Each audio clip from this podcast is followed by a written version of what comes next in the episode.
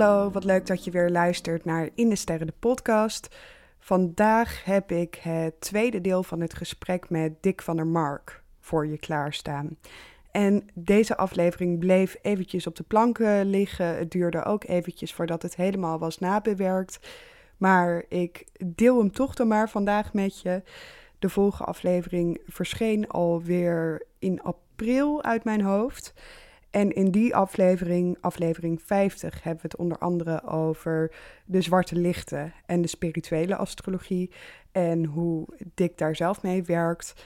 In deze aflevering hebben we het meer over het beroep van astroloog, over de magie van dit werk, over met welke vragen en dilemma's je te maken kan krijgen als je astroloog wil worden van beroep of als je in dat proces zit. Het verschil tussen opleidingen en zelfstudie. Of je astrologie met veel regels aanpakt of het juist heel intuïtief benadert. En al dat soort vragen en keuzes die je kan maken komen eigenlijk aan bod. En Dick heeft daar natuurlijk heel veel over te zeggen met meer dan 30 jaar ervaring als astroloog en als opleidingsdirecteur bij Celestis, een bekende opleiding voor spirituele astrologie in Utrecht. Dus daar gaan we het vandaag over hebben. En ja, ik ga je gewoon naar de aflevering laten luisteren. Mocht je vragen hebben, je vindt alle informatie in de show notes en je kan me altijd een berichtje sturen. Nou, deel 2 van het gesprek en het eerste deel gaat eigenlijk vooral over spirituele astrologie en misschien dat dat nu ook even nog voorbij komt. Uh, mocht je het eerste deel van dit gesprek nog niet hebben geluisterd, dan zou ik dat vooral even doen. Want we gaan ongetwijfeld weer verder op dingen die we net hebben besproken. Maar wij wilden naast over de spirituele astrologie hebben, uh, zouden het ook nog hebben over ja, het werk van een astroloog. Hoe dat eruit ziet. En ook wat aanbevelingen meegeven als je zelf die ambitie hebt of die droom of uh, die roeping. En we hadden het net al eigenlijk even over, dus dat verschil tussen de populaire astrologie nu en ja, wat astrologen eigenlijk uh, in hun werkkamer zoal doen. En daarbij zei jij eigenlijk van, nou, er zit wel een. Uh, um, er gebeurt iets bijzonders als je die werkkamer binnenkomt of als dat consult begint. Zou je daar wat meer over uh, willen vertellen? Ik kan hier ook ja. nog over doorpraten, maar. ja, um, Kijk, je moet je voorstellen dat populaire astrologie is een eerste stap mm-hmm. om tot een soort van uh, herkenning te komen. En er is niemand in Nederland, denk ik, daar verder ook nog wel, maar die, uh, die niet weet wel wat zijn zonneteken is. Ja. Iedereen weet dat, dat is interessant. Populaire astrologie uh, is dus een eerste stap. De tweede stap is, ga je ermee aan de slag of niet? Als je alleen maar een ander laat vertellen of een boekje laat vertellen dat dit zus of zo zit, dan krijg je eigenlijk alleen maar een, een soort kader of een sticker waar je uh, geen, ja, geen andere visie op kan hebben. En dus kan het interessant zijn om zelf ook eens uh, een, een, stap te maken door eens wat verder te gaan in bijvoorbeeld spirituele astrologie. Uh, daarnaast natuurlijk ook de, ja, een consult het consult. En dat, dat is iets wat hè, bij jouw vraag dan ook over ging. Uh, wat gebeurt er eigenlijk een consult?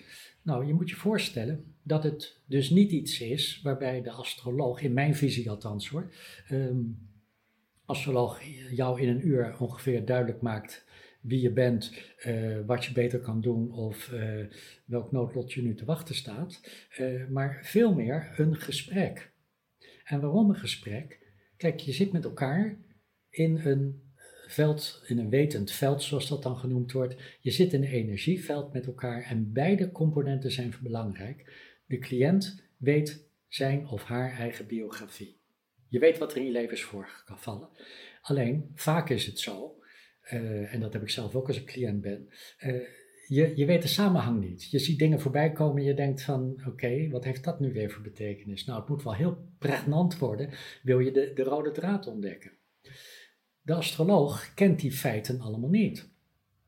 Maar die weet de samenhang van de feiten en de potentie. Mhm. dus je zou eigenlijk kunnen zeggen, uh, het is, om maar eens een beeldspraak te gebruiken, we zijn eh, ballonnetjes aan het opblazen. Uh, de astroloog geeft de fietspomp en het ballonnetje, dat ben jij.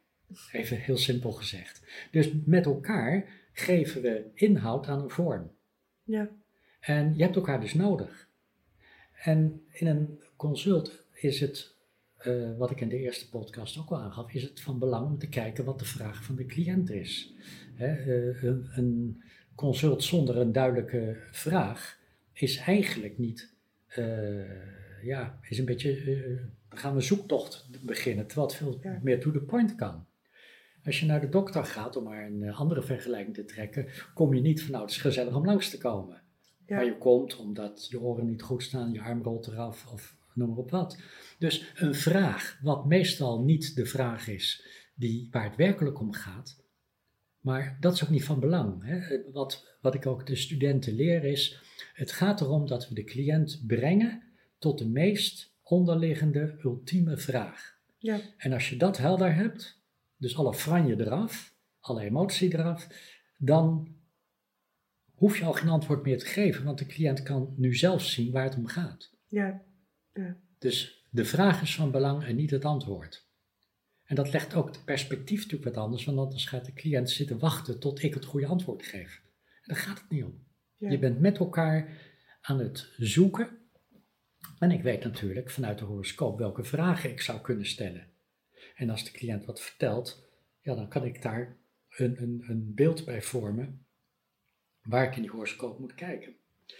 En waar we het over hadden, over spirituele astrologie, dat is iets waar, uh, zeker bij de Zwarte Maan, waar een herkenning is die resoneert. En niet van, oh ja, dit snap ik, want dat is het hoofd. Dat is, het mhm. hoofd is ook prima hoor, eh, handig, maar uh, het, het gaat erom, het is fysiek voelbaar. Er zijn van die momenten waarop uh, je eigenlijk, zowel cliënt als, als ik, als astroloog, voelt, dit is in deze situatie waar. Ja. Dit klopt. En dat is een, ja, dat gaat voorbij aan theoretiseren. Dat, dat uh, je raakt een kern waar ook ik na zoveel jaar nog steeds eigenlijk uh, ja, verwonderd en, en verbijsterd over ben. En ik denk dat op dat moment je de magie van het consult kan ervaren. Ja, en dat is ook wel een soort proces, denk ik, waar je doorheen gaat. Want toen ik begon met uh, voor, voor anderen hun radix uh, duiden, was dat aan het begin ook nog wel heel erg van, oh fijn, het klopt gewoon. Of dit is inderdaad waar. En dan van die oppervlakkigheden als, uh, oh je hebt zeker dat gestudeerd, of misschien heb je die baan, of dat soort. En ik had aan het begin ook nog heel vaak dat mensen naar me toe kwamen met, oké, vertel maar. Ja. En dat ik dan ook nog dacht van, nou dan ga ik wel vertellen. Terwijl ik tegenwoordig altijd denk van, ja, vertel maar. Er moet toch een reden zijn dat je denkt van, nou, dat gaan we eens doen, want anders zou je niet komen. Ehm, maar eigenlijk is dus de magie van dat consult, dat zit hem maar deels in de astrologie. Hè? Klopt. En een heel groot deel in... Um, de magie. Ja. Zou je het vooral zien als magie? Of Denk nou je dat het ook een stuk levenservaring nou ja, is? Kijk, dat, dat speelt natuurlijk mee. Kijk, de horoscoop vertalen is natuurlijk een persoonlijke vertaling. De symbolen zijn universeel. We gebruiken juist de universele symbolen omdat die houdbaar zijn in tijd en ruimte. Voor elke cultuur, voor elke tijd uh, is dat geldig. Alleen je moet het hertalen naar uh, de actualiteit van nu en niet naar 1600 zoveel. Dat is één. Um, in de tweede plaats, uh, ik, ja, die magie, niet in het, in het woord uh, magie van hocus pocus, maar de magie is datgene wat ontstaat door de wijsheid die met elkaar wordt gecreëerd. Voor de Grieken was uh, filosofie, politiek, wetenschap en magie was allemaal één. Ja. En er gebeurt dus iets wat boven onze ratio uitstijgt. En daar hoef je niet ingewikkeld over te doen. Het enige is dat de ervaring is dat ik kan voelen, dit klopt. ik zeg dus benadruk niet, dit is de waarheid, of ik zeg, dit is de waarheid op dat moment. want anders ga je je vasthouden aan zekerheden. Mhm. Maar de cliënt zie je of ook iets zeggen of emotioneel worden of iets dergelijks. Je, je kan het waarnemen met elkaar. Dit gaat ergens over. En dit is niet een karaktertrek, want ja, nou ja, goed, dat heb je al eens eerder gehoord als je een beetje op onderzoek bent uitgegaan. Of, oh, dat is verrassend nieuw. Maar dan ga je naar huis en dan kan je erover gaan nadenken en twijfelen, want dat hoort erbij. Maar essentieel, gewoon, ja, dit klopt. Wauw. Mhm. En dan hangt het van de vertaling, nogmaals, van de astroloog af natuurlijk. Eh, ja, de een sluit in taal meer aan dan de ander. Hè, dat is natuurlijk ook nog een keus.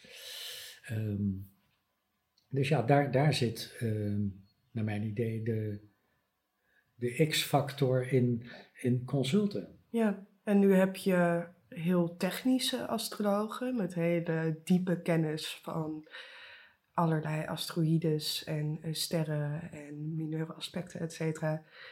Ehm, en astrologen die misschien eerder ja, echt een soort van de coaches eh, zijn, of niet zo bezig zijn met dat technische aspect, maar wel heel goed zijn in het eh, helpen en het begrijpen. Waar zou jij jezelf een beetje plaatsen op die schaal? Het, gaat mij vooral om het, ehm, het contact. Het contact. Want wij bieden sowieso iets dat anders is dan in de geestelijke gezondheidszorg. Want even gechargeerd misschien, maar de psycholoog zegt na een uur op de klok kijkend van ja, de volgende sessie dan maar. Het is nu een uur voorbij. Wat heel begrijpelijk is, daar gaat het niet om. Maar wat ik vaak terugkrijg is, hier heb je alle tijd om met elkaar dingen te bespreken. Om ergens naartoe te gaan. Ja. En heel specifiek, zo af en toe komen er ook mensen die in de psychiatrie hebben eh, eh, rondgelopen als cliënt. En dan, vragen ze, dan zeggen ze ook van, hé, hey, je bent de eerste die naar de inhoud van mijn psychose vraagt. Want dat is namelijk niet wat in de psychiatrie, voor zover ik het weet, eh, gebruikelijk is. Want dat is natuurlijk, ja, dat is raar, dat, dat is nou van aberratie, dat kan niet. Eh, maar dat is betekenisvol. Ja. Hè? Omdat we helemaal niet werken met labels, althans dat eh, verre van. ja, het doet er niet toe. Mhm. Ieder Ja. mens is in wezen een zoekend als persoon in dit leven om eigen weg te vinden. Ja. En waar je het er net over had, als ik er even op terug kan komen, natuurlijk, stap 1 in astrologiebedrijven is eh, blij zijn dat het klopt. Dat is wat ik studenten ook altijd leer. Dan gaan ze de eerstejaars duiden eh, als ze in het derde jaar zitten. En ah, het klopt, het klopt. Dat is Ja. hartstikke oké, want dat is goed voor je ego. Ja. Je geeft jezelf vertrouwen. En de cliënt is er ook blij mee, dat is ook geen probleem. Alleen is het nog niet de essentie. De essentie komt daarna pas. Als je het niet meer doet om eh, ja, eh, iets te vertellen waar die ander blij van wordt, maar wat werkelijk gedeeld moet worden. Dat is een andere, een andere tak van sport, zou ik haast zeggen. Ja. En, want als je begint sowieso als iemand, ik heb dat gehad, een van mijn eerste consulten, eh, dat de cliënt na een kwartier hard werken van mij, na een kwartier zei, gaat dit nou over iedereen of gaat het over mij? Ja. Dat is voor het ego bedroevend natuurlijk. ja, natuurlijk. Ja, Mhm. dus, maar, maar daar gaat het uiteindelijk niet om. Maar ja, die fase moet je natuurlijk door, dat je over dat karakter begint. Want, en dan, maar goed, dat had ik Met zelf. nog wel eh, veel labels natuurlijk. Juist, Ja. eh, oh, Ja. jij bent zo een eh, ram, of... Ja, nou ja, ik, ik leer altijd aan om vooral geen astrologische termen te gebruiken in een consult. Ja, daar ben jij heel duidelijk in. Ja, om de doodvoudige reden dat als je bij de dokter zit en de dokter gaat uitleggen hoe het in het Latijn heet wat je hebt, daar kom je niet voor. Dat geeft alleen maar een soort denigrerende houding. Eh, en jij als minderwaardige die dat niet snapt, je, je wil gewoon weten wat heb ik en wat kan ik eraan doen, wat zijn de kenmerken. Ja, ik moet zeggen, ik, ik zou wel zo iemand zijn die dat met zou willen horen. Ja. Maar ik hou er ook wel van, Ja. van als ik bijvoorbeeld bij jou op consult kom, om te vragen van oké, en waar kan Ja. ik het terugzien? Want Nee, maar dat snap ik. En kijk, jij bent natuurlijk een vakgenoot. Dus eh, eh, bij mensen die wat van astrologie weten, zeg ik, we gaan eerst een consult doen. En Ja. daarna gaan we tien minuten praten over de astrologische gegevens. Want dan praat je op het niveau van de ene techneut weet wat eh, de andere techneut nog niet weet. En zo op die manier. Ja. Ehm, maar het is fundamenteel dat je in, vind ik, in het proces gaat met de cliënt. mhm. En praten over astrologie is uit het proces gaan en in je hoofd gaan zitten. Ah ja, ja. Dat is het verschil. En het is uh, natuurlijk ook een manier als astroloog om je een beetje te verschuilen achter Natuurlijk. een systeem. Natuurlijk. Ik heb gelijk, dat is de onderbouwing, want het staat er. Ja. En, en, dat is allemaal prima. Alleen, naar mijn idee, en natuurlijk ook door de ervaring die ik heb had, gehad. Dus ja, op die manier ga je erover nadenken, tenminste ik wel. Ga ik, wat doe ik nou? Waarom doe ik dat nou? Maar er zijn natuurlijk mensen die een soort van astrologieles gaan geven. Ja, precies. Nee, ja. die neiging heb ik ook wel. Uh, maar dat is veilig. Ja, het is toegestaan, uiteraard. Als je het er niet mee eens bent, dan uh, moet je bij de astrologie zijn en niet bij mij. Ja, ja dat is het alibi, hè? Ja. Dat is het alibi. Ja, Saturnus staat echt in je eerste huis, dus het kan niet anders ja, dan. precies. En dat is niet waar. Dat is niet Mm. waar, want je legt uit dat de klok op drie uur staat, uh, maar je hebt niks uitgelegd. Daarom is het geen drie uur. Dat is het hele punt. Mm -hmm. De astrologie maakt jou niet. De astrologie is een weerspiegeling van jou. Ja, exact. En, en dat is een wezenlijk verschil, naar mijn idee. Hmm. En um, nou, dan heb je dus meestal als je begint, zit je nog heel erg op de feiten, op de labels, hoe heten al die plaatsingen. Strooi je meestal juist heel erg met jargon. En dan komt er een fase dat je een bepaald zelfvertrouwen eigenlijk begint uh, op te bouwen en het jargon weer loslaat. Komt er voor veel mensen soms ook een stuk uh, intuïtie bij kijken. Hoe sta ja. jij daar eigenlijk? Uh, nou ja, dat, dat is natuurlijk al uh, even langsgekomen in de vorige podcast. Ik heb ja. zelf natuurlijk uh, de readingopleiding gedaan. Mm -hmm.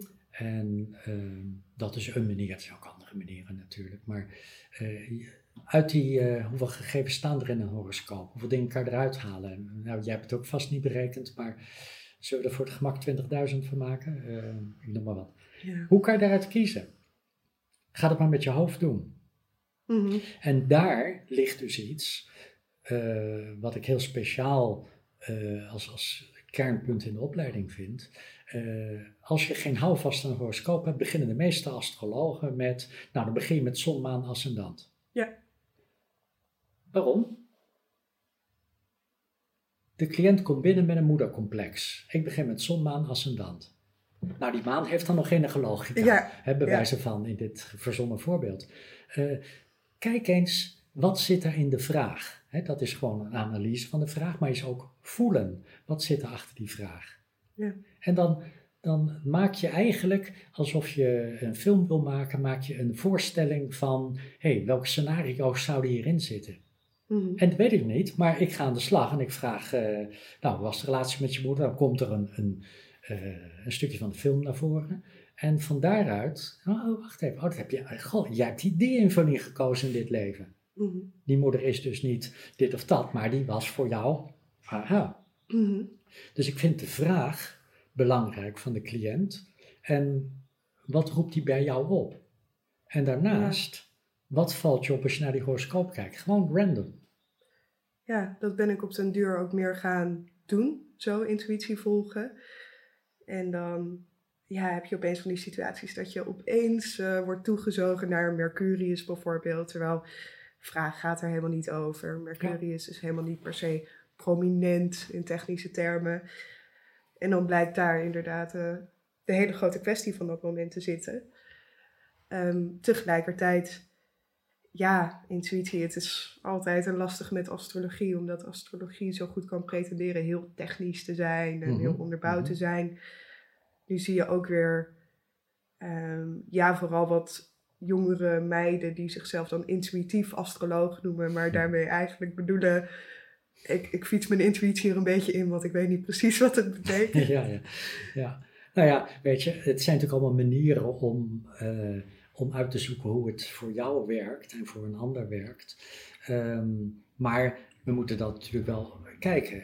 Als ik iemand in de opleiding heb die een laten we het zo zeggen, bepaalde mate van helderziendheid heeft, dan roep ik altijd, je duidt wel goed, maar ga eens in die horoscoop kijken waar het staat. Ja. En tegen mensen die heel erg het, naar het plaatje met zo'n blad voor hun hoofd zitten om het blaadje te kijken, zeggen, kijk eens naar je cliënt. He, dus dat is een, een, ja, een soort van balans in waar, waar zit het gegeven. En het mag natuurlijk, oh, het mag wel, maar het, het kan dus niet een alibi zijn van ik doe maar wat. Mm -hmm.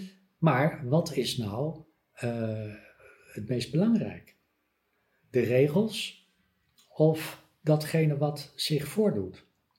Kijk, in een consult, hè, eh, in oefensituaties zie ik dat vaak. Ik heb niet alles kunnen vertellen. Nou, moest dat dan? Mhm.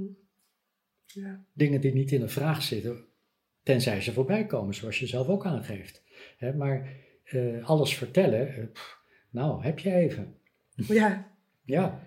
Ja, ik krijg toch wel vaak de vraag van, eh, heb je nu alles verteld? Of heb ik nog wat gemist? Moet ik hier nog iets over vragen? Ja. Ik denk van, ja, ik kan drie dagen blijven doorpraten. Dus ik ook een beetje de koopmansgeest van Nederland. Van heb, eh, heb ik voor mijn geld alles, alles gehad? Ja. uh, Maar- ja. Nee, maar ehm, kijk, je, moet, je, je kan op een gegeven moment eh, vertrouwen op het feit dat wat er naar voren komt, komt er naar voren. Maar Mhm. dat kan je pas zeggen als je de ervaring hebt van het worstelen met de materie en de, en de techniek.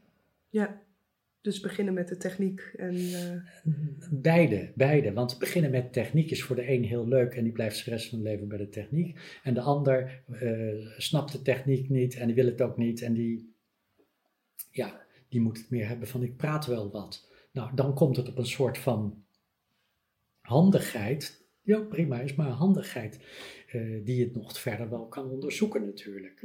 Hè, want ja, en, en natuurlijk, ja, levenservaring als astroloog, ja, de- de- die krijg je allemaal, levenservaring. Maar hoe, hoe kijk je zelf naar de wereld? Ja, Ben je nieuwsgierig? Of ja, wil je alleen maar een ander duiden, maar zelf niet geduid worden? Want dat is het punt. Wil je naar jezelf kijken? En als je dan kijkt naar eh, jouw studenten, zie je dan een bepaald persoonlijkheidstype of bepaalde kenmerken er heel erg uitspringen? Of is het heel divers? Ja, dat hangt vanaf waar je op focust. Kijk, Mhm. Ehm, wat, wat in ieder geval eh, helder wordt gemaakt aan het begin, voordat mensen eh, aan de studie eh, gaan, is de eerste twee jaar gaat het in de eerste plaats over jou. Ja. Dus de eerste opdracht, om maar een voorbeeld te geven, is schrijf in een kort bestek de highlights of de dieptepunten uit je biografie. Mhm. En plak daar met het kennisniveau van op dat moment, daar is planeten bij. Dus het gaat over jou. En er is natuurlijk niet iets wat bepaalt dat je moet voldoen aan voldoende zelfkennis. Want eh, mensen gaan vanzelf weg als ze eh, te dichtbij vinden komen. Mhm. En, en we doen dat heel nou ja, eh, veilig, om het zo maar te zeggen, omdat ik gewoon weet van hoe onveilig groepen kunnen zijn. Ja. Ehm, maar het is vooral zelfonderzoek. En hoe was je voordat je met astrologie begon en hoe ben je daarna?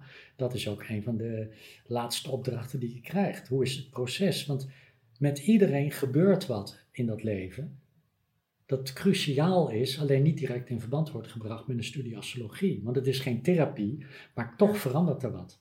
Want jij verandert. Ja, zeker. Stiekem verbaast het me nog wel eens bij astrologen of mensen met heel veel kennis van astrologie en persoonlijke ontwikkeling. Dat er dan zo'n hele duidelijke valkuil of patroon in een radix zit. Dat je iemand dat toch heel obvious ziet herhalen. Zo van, Ja. goh, zou je er zelf ooit eens over nagedacht hebben? Of ben ik nou de enige die het ziet? Nou ja, dat, dat eh, eh, kijk, we kunnen allemaal, al, elke astroloog moet ook met regelmaat, vind ik, eh, misschien niet bij een astroloog langs, want dan krijg je, eh, ja, je blinde vlekken worden ook niet helder misschien. Eh, maar gewoon jezelf spiegelen op welke manier dan ook. Ik heb het niet direct over therapie, maar gewoon ook bezig zijn met jezelf te ontwikkelen en gespiegeld te worden. Dat vind ik, ja, is belangrijk, uiteraard. Hè? Ehm, en perfect is de astroloog ook niet. Nee. Ehm, ja, dus, dus iedereen heeft ook zijn voorkeur voor iemand. Hè? Eh, Ik bedoel, er zijn, als je het weer hebt over die regels of de technieken, ik zei het in de eerste podcast al, de technieken zijn eigenlijk structuren die we over de werkelijkheid leggen. Maar jij mag je eigen structuur kiezen, alleen binnen de astrologie zijn wel een aantal dingen die we gemeenschappelijk doen. Ja. Maar we doen dat weer anders dan de Chinezen, want wij zijn geen rat. Exact. ja. Dus ja, wat dat betreft eh, eh, is er een bepaalde flexibele, eh, naar mijn idee, flexibele eh, systeem waar je nieuwe dingen in kan ontdekken, waar je ook bepaalde dingen wel of niet kan gebruiken. Want als je Mhm. alles zou gebruiken, dit is me ooit overkomen bij de installatie van een astrologieprogramma op de verkeerde knop. En toen stond alles wat in het programma zit in mijn horoscoop. Oh jee, nou, dat ja. was gewoon, elke graad was bezet. ja. En ja, dat is, dat is een beetje veel. Eh, ja. Ja, nee, ik, ik word daar ook een beetje duizelig van. Eh, het lijkt een beetje populair om echt eh 100 asteroïden erbij te lappen. Nou ja, als je er iets zinnigs over kan zeggen, maar dat heeft ook te maken, welk contact heb je ermee? Hè? Welk contact heb je met bepaalde... Ik, ik ben gefascineerd door de centauren, door, door het familiekarma, kortweg. mhm. Eh, dus ik heb me daar wat eh, in, in verdiept, zeg maar. Een ander, die zal daar eh, misschien niks mee hebben. Ja, Nee, precies. En soms zie je nog dat mensen ehm, ja, het gebruiken om dan extra informatie te verkrijgen, maar daarbij gewoon nog niet super diep gaan op ja, de planeten die er al zijn. En dan één manier van een bepaalde ja, plaatsing in een huis duiden, in plaats van dat van allerlei ja. Invalshoeken kunnen belichten. En, Ja. eh, ja iedereen heeft natuurlijk zijn stokpaardjes, laten we dat helder hebben. En- dat ook. Ja, daar ontkom je niet helemaal aan natuurlijk, want anders blijf je in een soort van strijd van ja, maar jij gebruikt dit niet, oh, maar jij gebruikt dat niet. Ja, ik bedoel, oké, so what? Kom je tot een, eh, ex, tot, tot een diepgaande, eh, diepgaand gesprek met je cliënt? Mhm. Heeft die cliënt er wat aan? Dat, dat is van belang. Hè? En het hangt dus ook van het bewustzijnsniveau, whatever that may be, van de cliënt af. Ja. Ja. Ja, en eh, wat betreft astrologie studeren, ik eh, spreek heel veel mensen die eigenlijk zelf astrologie willen leren. Misschien omdat ze dan ook beginnen bij populaire astrologie en dan bij Mhm, mij terechtkomen. Ehm, en ook denken van, nou, dat is waarschijnlijk de manier waarop je dat doet. Of veel mensen eh, gaan geen opleiding volgen. Wat, ik weet niet, ik zou best benieuwd zijn naar de cijfers van hoeveel mensen zich dat zelf aanleren. Dat zou je natuurlijk kunnen achterhalen bij, bij vakverenigingen, maar dan heb je alsnog niet iedereen die astroloog is. Maar Nee. dat even terzijde. Ja. Ehm, dat terwijl ik achteraf denk van ja, was ik eigenlijk maar gewoon een studie of een, of een opleiding gaan doen. Ik bied dan nu zelf een cursus aan voor de mensen die ook heel eigenwijs, net als ik, dat grotendeels Mhm, flexibel en zelf willen doen.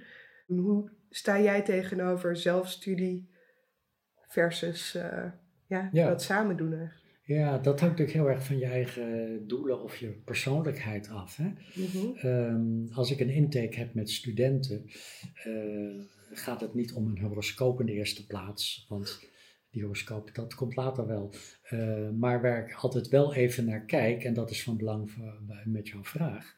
Ik kijk dus wel in die horoscoop van, hey, kan ik, heb ik een indicatie dat eh, een groep eh, positief of moeilijker kan werken. Als het moeilijker werkt, moet je dat gewoon met elkaar bespreken en dan is het verder oké. En als het ja, een punt is waar je heel goed in staat, dan is het ook prima. Dus eh, hoe is het om met elkaar te kijken? Het heeft voordelen natuurlijk, want je spiegelt elkaar. Bij ons in de opleiding zitten we met de eigen horoscopen eh, binnen de groep en tussen de lessen in, dus eh, in de, in de weken daartussen, hebben ze zelfgemaakte studiegroepen waarin ze dingen overleggen, eigen horoscoop bespreken.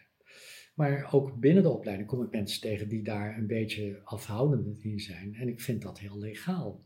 Eh, Het enige bij zelfstudie denk ik van ja, heb je al het materiaal voorhanden dat, eh, dat je interessant genoeg vindt? Want over het ene is meer geschreven dan het ander. Een bekende klacht is, eh, de meeste boeken in het Nederlands zijn in de jaren 80, 90 van de vorige eeuw geschreven. Klopt, want er is geen droogbrood in nieuwe boeken te verzinnen. In de Engelstalige literatuur ligt dat wel anders, maar nog niet helemaal, denk ik. Ja. Eh, dus ja, hoe maak je de eigen tijdse dingen? En de controle, de aanhalingstekens, op hoe serieus is het, heb je bij boeken toch iets meer dan op internet. Op internet komt van alles voorbij. En ja, eh, zelfstudie, je maakt jezelf moeilijker. En wat het belangrijkste is, is je wordt niet gespiegeld. Ja, En dat, dat, dat is lastig. Dat is lastig. En, en, niet onmogelijk, maar het is wel lastig. Mhm. En ja, dus ik, ik, ja, ik kan me voorstellen dat zoals jij, dat je het op eigen kracht hebt gedaan. En aan de andere kant denkt van je zou het perfect in binnen de opleiding hebben gedaan. Omdat je daarmee gelijk ook je eigen voorkeuren kan onderzoeken en erachter komt wat je voorkeuren zijn. En, eh, want iedereen is natuurlijk vrij om zijn specialisaties te hebben en de manier waarop hij dat doet. Ja, en als je nu kijkt naar hoe de meeste mensen de popastrologie ontdekken, zijn ze helemaal niet bezig met uit welke stroming of richting komt dit. En dan ga je dat allemaal in de blender gooien. Dat uh, heb ik ook een post gedaan. Maar vervolgens ga je vanzelf tegen allerlei moeilijke dilemma's en vraagstukken ja. uh, oplopen. Want zoiets als klassieke astrologie en spirituele astrologie, dat combineert vaak gewoon ontzettend moeilijk. Ja, uh, dat, dat, dat zijn wel dingen die ik en al van die bij elkaar krijg. Dus, nee, dat vraagt om ja. veel creativiteit. Ja. Nou, daar ben ik dan jaren mee bezig geweest in die zelfstudie. Ja. Nee, precies. Maar, maar nogmaals, hoor, er zijn gewoon mensen die, die alles op eigen kracht willen doen. En dat heeft ook zijn waarde natuurlijk. Maar ja. ja het, uh... Maar de toegevoegde waarde is natuurlijk van, oké, je, hebt, uh, je hebt die spiegel. Uh, je kan veel georganiseerder eigenlijk wat leren. Um, en je, je bent je bewuster van de richting. Ik denk achteraf ook gewoon van, het had me heel veel tijd bespaard misschien, of frustraties bespaard in ieder geval. Ja, ja. ja. Nou ja ik vind het ook belangrijk um, hè, uh, dat je verschillende invalshoeken krijgt. Mm. En uh, ik heb altijd me voorgenomen, toen ik eenmaal met astrologie begon, uh, ik ga nooit een opleiding in mijn eentje doen. Oké. Want dan krijg je zoiets van, hij is de guru of hij is degene die het weet. En ja, weet je, natuurlijk wel een bepaalde richting. We hebben met Celestis wel de spirituele invalshoek met z'n allen. We kijken met de neus dezelfde kant op. Maar we zijn met z'n vijven, waaronder één docent die uitsluitend intuïtie en zijn een lichaam als vak geeft. Uh, maar de andere vier hebben allemaal variaties op hetzelfde thema. En dat is natuurlijk zo, zo interessant, want de een pakt het zo en de ander zo. Mijn ene collega is iets meer van, nou bij een consult moet je een aantal uh, dingen gewoon van tevoren weten, een soort formulier. Ik ben daar helemaal niet van. Maar de studenten kunnen kiezen, wil je wat een, uh, laat ik zeggen, een, een, een, meer steenbok manier of een, een vissen manier zoals ik dat doe. Uh, nou, doe het. Kijk, kijk, vind je eigen weg erin. Mm-hmm. En dat vind ik belangrijk, want anders krijg je maar één visie en dan moet het op die manier. En, maar goed, dat spreekt mij dus aan om het zo te doen. Ik ben super blij met de mensen die ik heb. En ik ben nu ook uh, aan het uh, gestart met sommigen kijken om. Die, die willen graag, uh, die zitten al in het onderwijs, maar die willen astrologie docent worden om ook hen extra te begeleiden op dat traject. Wat leuk. Van hoe ga je dat doen dan? Mm -hmm. um, want ja, ik heb heel lang in het gewoon onderwijs gezeten en ook al heel lang astrologieonderwijs onderwijs is een, uh, vind ik een belangrijk ding. Hè, er moet over nagedacht zijn uh, en ervaring zijn in hoe breng je iets. Ja. Want een school, dan, dan krijg je gelijk alle trauma's van het gewoon onderwijs. En in het gewone onderwijs ben ik heel veel mensen tegengekomen die les gaven met vanuit hun hart, echt hardwerkende mensen die uh, hard voor de zaak hadden. Alleen ze hadden nooit de tijd om het systeem te beoordelen. Want er kwam er een volgende missieve van het bestuur of van de rector of van uh, de overheid. Uh, maar het onderwijs, het moet over jou gaan. Dat is het punt. Ik kan me best voorstellen dat er mensen zijn die dan een bezwaar voelen op van nou, uh, ik heb astrologie ontdekt of ik heb spiritualiteit ontdekt en ik ben veel liever met mezelf en voel me vrij. Dus dan ga ik niet meer een opleiding doen of naar school of Anderzijds zie je juist ook weer mensen die heel erg opleidingen stapelen. Dat is ook weer. Uh, ja, dat, dat kan je zelfs horoscopisch zien hoor. Mensen met een sterk tweede huis willen graag uh, diploma's vergaren. Ja, uh, tweede huis zou je. Ja, ja, ja, ja, ja. Echt het hebben. ik ben niet goed genoeg, dus ik moet zorgen ja. dat ik beter word. En dat mm. moet bewezen kunnen worden. Ja. Maar goed, dat is een insteek. Um, kijk, het woord school roept dus van alles op. Als ik het woord toets noem, dan begint iedereen zenuwachtig te worden. Zelfs al zitten daar uh, Master of Science of uh, Master of Arts. Uh, maakt niet uit wat ze hebben gedaan. Maar het is een levensschool, om het zo maar te zeggen. Dus je kan niet blijven zitten, want je kan in je, in je leven ook niet een jaar over doen. Dat gaat niet. Nee. En ja, het zijn eh, de, de, laten we zeggen even, de, de, de, de toetsen, laten we dat woord dan toch gebruiken, dat zijn formatieve toetsen. Dus je krijgt de antwoorden erbij. Dan kan je voor jezelf nagaan wat je wel of niet weet. Ja. En het is een persoonlijk traject, terwijl natuurlijk toch erover nagedacht is welke vragen leggen we je voor. En, maar de vorm is ook altijd naar eigen inzicht te doen. er zijn wel mensen die zeggen, nou, eh, dit vind ik kan ik niks mee. Nou, welke opdracht gaan we eens nou, uh, wat, wat, zou je willen doen, wat zou je willen uitzoeken? Mhm. En creatieve mensen hebben ook de gelegenheid om een eindwerkstuk creatief te maken. Ja. Dus eh, waarom zou alles op papier in taal moeten? Ja, echt weer de, de vissen. Nou ja, ja, ja natuurlijk, het hoort, hoort bij mij om zo naar te Mhm. kijken. Dat is de, de, de, de, de ervaring die ik heb en, en het ideaal dat ik als het ware voor ogen heb. Ja. Ehm, waar het om gaat is, hè, om het even heel populair te zeggen, bij studenten vraag ik me op een gegeven moment aan het eind van de opleiding af, of al eerder, van kan ik zo iemand loslaten op mensen? ja. Dat is ook belangrijk. Nou ja, dat is natuurlijk belangrijk, hè? maar dat is natuurlijk een populair zinnetje waarbij de criteria nog niet onmiddellijk allemaal zo keihard zijn, maar eh, over het algemeen genomen weten mensen dat zelf wel. Dus ze weten zelf wel van, wil ik dat ook gaan doen? En iedereen, of je nou examen doet of niet, iedereen vindt het leuk om horoscopen te duiden. Nou, Ja. oké. eh, en ja, als je wilt kan je morgen een bordje op de deur spijkeren astroloog, want het is geen beschermd eh, beroep. Eh, Nee. dus een opleiding doen moet je doen het leuk vindt. Heb je er zin in? Vind je het leuk om dat uit te zoeken? Vind je het leuk om jezelf tegen te komen? Vind je het leuk om met anderen dat te doen?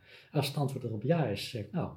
En als je dan ook nog de manier waarop we dat doen leuk vindt, dan moet je Ja. daar zijn. Ja, precies. Ja. En als je een andere smaak wilt hebben, dan, eh, eh, dan, dan moet je een andere opleiding zoeken. Mhm. Ja, zo is het toch? Ja, ik... eh, De klassieke astrologie is niet mijn ding. Dus ik ben niet helemaal thuis in alles wat daar gebeurt. Maar ik weet dat Oscar Hofman eh, eh, daar flink mee aan de weg timmert. In allerlei talen vertaald. Maar dat gaat over de planeten, hè, gemiddeld genomen tot en met Saturnus. En eh, meer niet. Ehm, en dat werkt, de klassieke astrologie is heel erg van de regels. Als je dat heel fijn vindt, is, is dat ook iets waar je je in zou kunnen verdiepen. ja. Ehm, Het, het is ook niet per se eh, mijn ding, maar ik zie wel dat het nu heel populair is. Soms hebben mensen ook niet door dat ze beginnen met astrologie leren en dan beginnen met astrologen op internet, vaak Amerikaans of podcasts. En dat ze eigenlijk dus klassieke astrologie Ja. aan het leren zijn. Chris Brennan bijvoorbeeld, hè? Ja. Ja, door zo iemand als Brennan eh, met een grote invloed. En dan later opeens denken van eh, dat ze de hele tijd lopen te worstelen met, ja, het is toch wel heel deterministisch. En dan Ja. een jaar later erachter komen van, oh wacht, dat hoeft het helemaal niet te zijn als ik eh, bij een andere Nee, was nee, nee, dat klopt. Nee, dat is absoluut zo. Ja. En Ja. ja,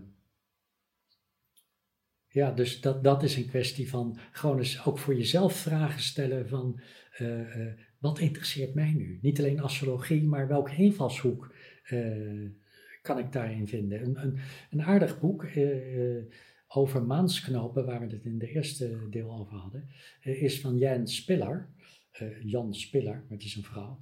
Ehm, en ehm, Astrologie van de ziel heet dat. Wat zij schrijft over maansknopen is inhoudelijk best, eh, eh, best boeiend. En ehm, ja, dat is. als je de Noordermaansknoop leest, dan, dan kan je wel degelijk een idee krijgen van wat je, ja, wat je eigen maansknoop zou kunnen betekenen. Mhm. Ja. En ja, daar staat op dit moment een boek, de verschijning van een collega van mij, over de zwarte lichten, maar dat is in het Engels. Dus ik heb het nog niet gelezen, maar ze is er al een tijd mee bezig. Oké, en van wie eh, is dit? Charlotte Wenner. Oké. En een andere collega van mij heeft een boek over de Plutoïden geschreven. Hmm. Eh, de planeten die in de eind 20ste, begin 21ste eeuw zijn ontdekt en achter Pluto liggen. Heel interessant. En dat is Saskia van Vliet. En ja, zo verschijnen er dus wel boeken. En ja, het ene is toegankelijker dan het andere natuurlijk, afhankelijk van je beginniveau. Ja, en je gaat ze niet in de Bruna vinden. Je moet wel echt Uh, uh, nee. een beetje op zoek gaan, helaas. nee, dat, uh, je komt ze als je googelt wel tegen. Dat, ja, ik zal ze trouwens allemaal even in de show Ja. notes zetten. Dat is makkelijker. Ja. Ehm, ja, als je googelt sowieso. Ik heb dus al die boeken uit de jaren negentig vooral eh, via van die tweedehands websites. Ja. Je hebt een paar enorme eh, handelaren daar eigenlijk in, in Nederland. Of Ja. twee of zoiets. En eh, daar dan voor een paar euro gewoon, nou ja. Ik heb de hele boekenkast, ja. Ja, nou ja, heb je het Ja. allemaal bij elkaar. Maar dat raad ik zelf ook altijd aan. ja. Maar ik denk nogmaals hoor, dat de belangrijkste criterium is, word ik er blij van? En dan moet je dus ook kijken van, wil ik heel erg in vaste regels, wil ik meer intuïtief? Eh, Mhm. ja, wat, wat, nou ja, ik zou, zou zeker zeggen, als het binnen Nederland is, hoewel Vlaanderen natuurlijk met ons meedoet, eh, eh, ga gewoon eens kijken, ga eens gewoon eens consult bij een astroloog, vraag eens Dat sowieso. Dat, dat, dat, is, ja. dat is toch wel belangrijk ehm, in je onderzoek, denk ik. Ik ben heel erg enthousiast geraakt eh, toen ik eenmaal astrologie had ontdekt eh, door iemand die al, ja, zeg maar in mijn, mijn visie iets belangrijks te vertellen had. Ja. En eh, ja, en ik kwam niet bij een ander terecht. Ja, zo werkt dat dan, denk Ja. ik. En toen ik de zwarte lichte astrologie ontdekte, dacht ik, ja, dit, dit is het. Mhm, Dit is het, gewoon, klaar. Ik wist verder nog niks, maar dit was het. Ja, en ik wens iedereen toe dat, ja, dat je zo'n eh, moment van bliss hebt op een gegeven moment. Mhm. hè? Ja, dat is sowieso iets wat, eh, wat ik iedereen zou aanbevelen. Want soms spreek ik ook mensen die dan zelf eh, willen gaan werken als astroloog. Of op het punt staan dat te gaan doen, maar zelf nog nooit een astroloog hebben bezocht. Dan denk ik van ja, dat is wel Het, fijn. Ook een beetje vergelijkend ware handig, ja. onderzoek, zeg maar. Ja, ja, ja. dat je ook een beetje weet Ja. hoe je je verhoudt tot anderen. Ehm, ja, en weet wat zo'n consult teweeg brengt. Ja. En het is ook heel erg leuk om, eh, om te doen. Ik heb dan eh, een paar jaar lang steeds weer een andere stroming. Ja. eh, ook qua, qua astrologen die ik bezocht. Ja. Super leerzaam. Ja, en, en ook al ben je niet van plan opleiding te doen, ga gewoon eens op open dagen kijken. Ja. Er is genoeg te vinden op internet, dat is geen probleem. Ga gewoon eens zo vrijblijvend eens langs van, wat, wat, wat voor poffertjes bakken ze daar? Ja, zo is het toch? Ja, en hebben jullie nog eh, open dagen op de planning staan bij Celestis? Ja, we hebben een workshop op 14 mei, doe het even uit mijn hoofd, en een open dag op zaterdag 3 september, 2 september. Zaterdag 2 september. Dus Ja. nog alle tijd eh, daarvoor. En misschien dat we nog een, een duidingsdag plannen later in dit jaar. Dus eh, voor de zomer nog, waarbij mensen gewoon een horoscoop kunnen laten duiden door studenten. En waarbij dan ook de keuze hebt om nog even wat over, informatie over de opleiding te krijgen, zodat je niet verplicht in een programma zit. Mhm. Eh, maar dat komt nog eh, op de website binnenkort. Dus eh, Ja. mensen kunnen de website in de gaten houden. En net Zeker. als bij de vorige aflevering jou ook mailen als ze Kan altijd. vragen hebben. Ja. Oké. ehm, nou, ik zie dat we alweer een poosje aan het praten zijn. Zullen we hem voor vandaag maar afronden? Zeggen, Dus we hebben ook wel eh, lekker lang zitten praten. Maar Ja. We kunnen nog uren doorgaan, maar dat is voor een podcast niet handig, denk ik. nee, goed, ja. eh, dat Ja. eh, kan je altijd een keer proberen. Tenminste, over astrologie praten. Dat, Daar valt genoeg te vertellen, ja, dat Ja. klopt zeker. super dat je dit gesprek Ja. wilde aangaan. Heel leuk dat je meer hebt verteld. En ja, bedankt voor de appeltaart ook. dat hoort er ook bij. Hè? Hey, maar jij ook bedankt, want een gesprek in eentje is geen gesprek. Nee, nee, natuurlijk. Oké, dan eh sluit ik hem nu af. En voor de luisteraars, als je dit een leuke aflevering vond, eh, of als je de vorige aflevering ook hebt geluisterd, eh, doe je mij altijd een groot plezier met vijf sterren achterlaten op Spotify of Apple Podcast. Mocht je hier nog vragen over hebben, dan eh, kan je de informatie van Dick in de show notes vinden. Of je kan mij gewoon een berichtje op Instagram sturen, dan eh, kom ik ook terug op je vraag. En dan hoop ik je weer te zien bij de volgende aflevering.